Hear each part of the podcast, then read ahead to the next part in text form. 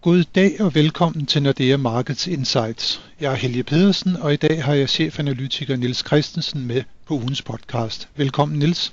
Tak for det, Helge. Det har været en uge, som igen har budt på stor risikoappetit blandt investorerne.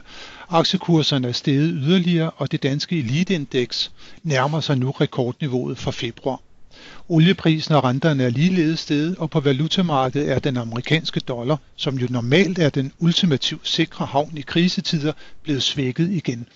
Den handler nu i 6,65 over for den danske krone, og vi skal tilbage til begyndelsen af marts måned for at finde et tilsvarende lavt niveau for dollaren. Niels, hvad er det lige for tendenser, som vi ser på de finansielle markeder for tiden? Jamen Helge, det er jo det, du er inde på med den gode risikoappetit, som vi ser. Aktierne stiger kraftigt, og det sætter også sit præg på valutamarkedet. Du nævnte dollaren, som vi ved er sikker havn. Den har det svært, når der er risikoappetit, og det er der også andre valutaer, der har. Schweizerfranken er en anden valuta, som har det godt, når der er risikoaversion. Nu har vi risikoappetit, så har Schweizerfranken det svært. Og det samme gælder for den japanske yen. Men ser vi på andre valutaer, du nævnte dollaren, vi har pund, vi har de svenske og norske kroner, og for den sags skyld også emerging market valutaerne, de har det alle sammen betydeligt bedre nu her med risikoappetitten. Det vil sige, at de korrigerer tilbage efter de voldsomme fald, vi så i februar og marts måned. Kigger vi lidt fremad, så står vi nu i en situation, hvor vi skal til at forholde os til, jeg vil sige et nyt forhold, et vigtigt forhold på, på valutamarkedet. I stort set alle lande har centralbankerne haft travlt med at sætte renten ned. Så vi er i en verden, hvor jeg vil næsten sige, der er nulrente. I hvert fald når vi kigger på OECD-landene. Øh, men selv blandt emerging market øh, landene, så har vi jo set noget atypisk, at de har også sat renten ned her i løbet af krisen. Sædvanligvis, når de lande, deres valutaer kommer under stærk pres og, og store fald, ja, så var automatrefleksen, så skulle renten op for at støtte valutaen. Sådan har det ikke været nu her. De har også sat renten ned. Så hvor vi førhen sådan kigger og kigger på, hvor der er renteforskel, ja, så er der ikke ret meget renteforskel. Så så er det andre faktorer, der kommer til at spille ind fremadrettet. Hvis vi lige så vender tilbage til den amerikanske dollar nu her, der er det her omkring risikoappetitten. Kan der også være noget, for eksempel på den pengepolitiske front, som er med til at få dollaren til at fremstå lidt sværere nu, end den gjorde bare for ja, få uger siden? Ja, bestemt. Bestemt, fordi Fed er jo en af de centralbanker, der har lempet kraftigst. Ikke mindst har de sat renten ned, så den nu er ja, praktisk talt i nul. Øh, og så har de så også ja, præsenteret os for et kæmpe opkøbsprogram af obligationer. Det er jo sådan set sådan, at Fed har erklæret, at de er parate til at, købe ubegrænset amerikanske statsobligationer og for den sags skyld også andre obligationer. Og det betyder, at der er et massivt udbud af dollar, og flere dollar i omløb, ja så er det jo sådan, at så er dollaren under pres. Øh, så det er det, vi ser i øjeblikket, at dollaren har det svært. Men vi må jo også sige samtidig, når vi ser på dollaren over for den danske krone, jamen, så er det jo også det relative forhold, altså den danske krone, som er bundet op på euroen. Og euroen har det faktisk betydeligt bedre nu her.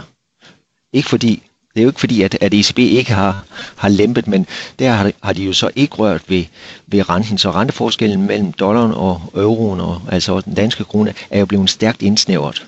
Det har efterladt dollaren sårbar. Øh, ECB køber også op, men ikke i samme omfang som Fed gør.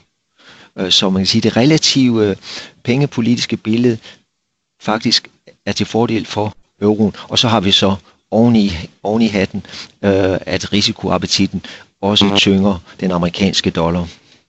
Og det er også noget, som du tror, der vil vare ved, selvom der jo i dag er møde i den europæiske centralbank, hvor det godt kan være, at Lagarde og company de beslutter sig for at forøge det store pandemiopkøbsprogram, som man allerede har sat i søen.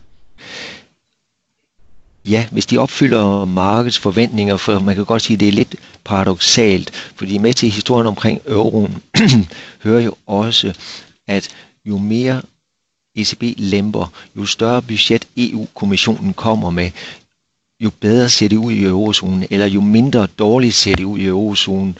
Øh, og det har vi faktisk set have en positiv effekt på euroen. Så det skal vi, hvis vi skal håbe på en, en fortsat hvad skal man sige, stærkere euro og svagere dollar, øh, så skal ECB opfylde det, der ligger i markedet. Og det, der ligger i markedet i øjeblikket, det er altså, som du også er inde på, at ECB kommer med yderligere annoncering af opkøb af obligationer. Det seneste program, som de satte i søen tilbage i marts måned, var jo på hele 750 milliarder euro i nye opkøb frem til årsskiftet i år. Markedet forventer, at de 750 bliver forhøjet med 500 milliarder. Så vi altså kommer i det program alene op på ja, det astronomiske beløb 1250 milliarder euro. Og jeg vil sige, bliver forventningerne opfyldt, jamen så ser vi fortsat ind i en euro, som har det godt, og en dollar, der har det svært. Underforstået, at markederne, aktiemarkederne fortsætter den opadgående tendens, som vi har set på det seneste.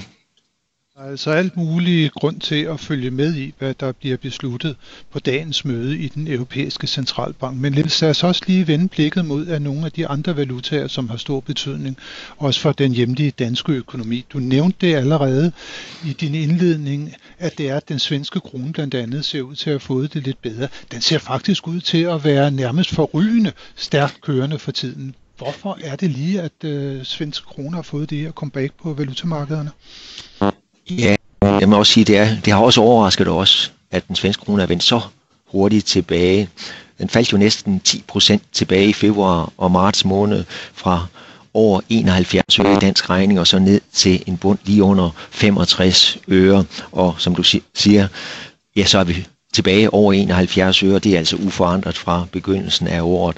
Der er flere faktorer, som spiller ind, som er positive i øjeblikket på den svenske krone. Den vigtigste faktor er sådan set, så er vi tilbage ved risikoappetitten. Den svenske krone har det godt, når der er gode, eller der er optimisme øh, blandt øh, verdens øh, virksomheder. Det, hvad skal man sige, det smitter af på de store svenske virksomheder, så derfor er det en vigtig faktor for den svenske krone. Det, der også spiller ind for den svenske krone, jamen det er jo så er vi tilbage til pengepolitikken og Rigsbanken. Rigsbanken er en af de få centralbanker, der ikke har ændret renten. Hverken hævet eller sænket renten, men fastholdt den på 0%. Det var jo sådan, at Rigsbanken tilbage i december sidste år hævede renten fra minus 0,25 og så op til 0. Øh, og så var der jo nogen, der forventede egentlig, at Rigsbanken ville vende tilbage til negative renter her under krisen, men det undlod de at gøre. Så den svenske krone har oplevet, at renteforskellen er indsnævret hvor det før var en underrente i Sverige over for mange valutaer, ja, den underrente er sådan set elimineret nu, øh, og det er efterlader en positiv effekt på den svenske krone. Så derfor har vi set den svenske krone have det rigtig godt på det seneste, og som sagt være tilbage på uændret niveau, til trods for, at vi jo også må sige, at de økonomiske nøgletal for Sverige jo ikke står ud som bedre end mange andre steder rigtigt. Nu havde vi godt nok et første kvartal, som øh, klarede så noget bedre for svensk økonomis vedkommende end de fleste andre landes, men nøgletallene sidenhen har også vist, at Sverige så sandelig også er blevet ramt af covid-19. Men øh, hvis vi så lige tager til øh, Norge i stedet for, så den norske krone, den har ikke klaret sig nær så godt som den, øh, den svenske. Hvad er årsagen til det? Nej, den er i hvert fald ikke vendt tilbage på det niveau, vi havde før krisen, men det er jo relativt, for den norske krone var jo også udsat for et meget, meget større og jeg vil sige dramatisk fald i februar og marts måned, og for den sags skyld ind i april måned. Den norske krone, ja, den faldt næsten 24 procent over for den danske krone. Det var ikke bare øh, coronavirusen og krisen, der pressede den norske krone, men det var jo også krisen eller krigen oliekrigen øh, og det dramatiske fald i olieprisen fra 70 dollar i begyndelsen af året og så til kortvej under 20 dollar i april måned. Det slog jo fuldstændig eller trak tæppet væk under den norske krone, så vi i dansk regning faldt fra 75 øre, og vi var kortvej nede under 57 øre. Olieprisen er heldigvis kommet igen, øh, og det er med til at styrke den norske krone. Og så må vi også sige, det der også vækkede den norske krone, det var, at Norges Bank modsat Rigsbanken nedsat renten ganske betydeligt, så den kom ned i 0,25. Det var med til at forstærke faldet i den norske krone. Nu, de seneste øh, to måneder, har den norske krone opkøbt norske kroner. De, har jo, de er jo den gunstige position, at de har oliefonden, øh, og der bruger de fornuftigt nok af oliefonden til at støtte den norske økonomi, og det gør de ved at sælge øh, hvad hedder det, aktier, udenlandske aktier, udenlandske værdipapirer, øh, øh, og den valuta, den veksler de om til norske kroner, og det gør de ved at købe norske kroner, så det styrker den norske krone. Så i dansk regning er vi nu trods alt kommet tilbage til 70 øre, som jeg nævnte, vi var nede under 57 øre, så det er også en pæn, pæn korrektion opad i den norske krone. Vi er ikke tilbage på de 75 øre, vi havde i begyndelsen af året, og det bliver måske også svært at fortsætte den positive tendens i den norske krone fremadrettet. Olieprisen er tilbage på 40 dollar, øh, og det er stadigvæk usikkert, hvor olieprisen øh, lander om, skal vi sige, 3 til 6 måneder. Ja, olieprisen har jo notorisk meget stor betydning for udviklingen i den norske økonomi, og også som du nævner, Niels, man finansierer det blandt andet ved at realisere aktiver i øh, Petroleumsfonden.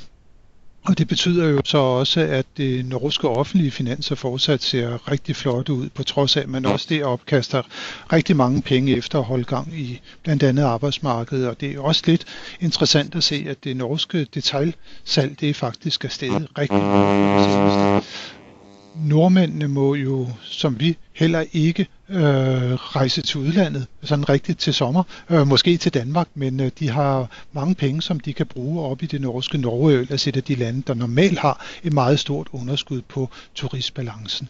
Men øh, Niels, lad os sige her til allersidst også vinde det britiske pund. Det er fortsat underdrejet. Ja, det må man sige.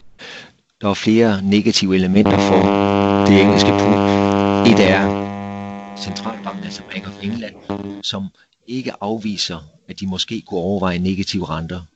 Og skulle det ske, jamen, så er det jo negativt for det, det engelske pund, hvis de engelske renter skulle komme ned i negativt territorium.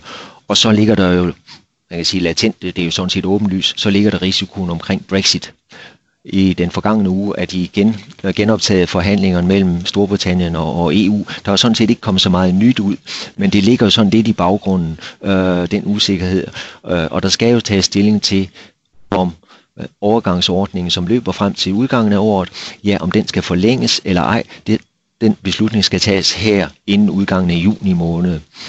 Signalerne fra Storbritannien er fortsat, at de ikke ønsker en forlængelse af overgangsordningen, og så kan vi jo se ind i, at Storbritannien står uden en handelsaftale, ja, både Storbritannien og EU står uden en, en øh, fremtidig handelsaftale øh, ved udgangen af året, som giver stor usikkerhed omkring britisk eksport og dermed hele den britiske økonomi, og derfor usikkerhed, ja det er lige negativ øh, effekt på, på punden.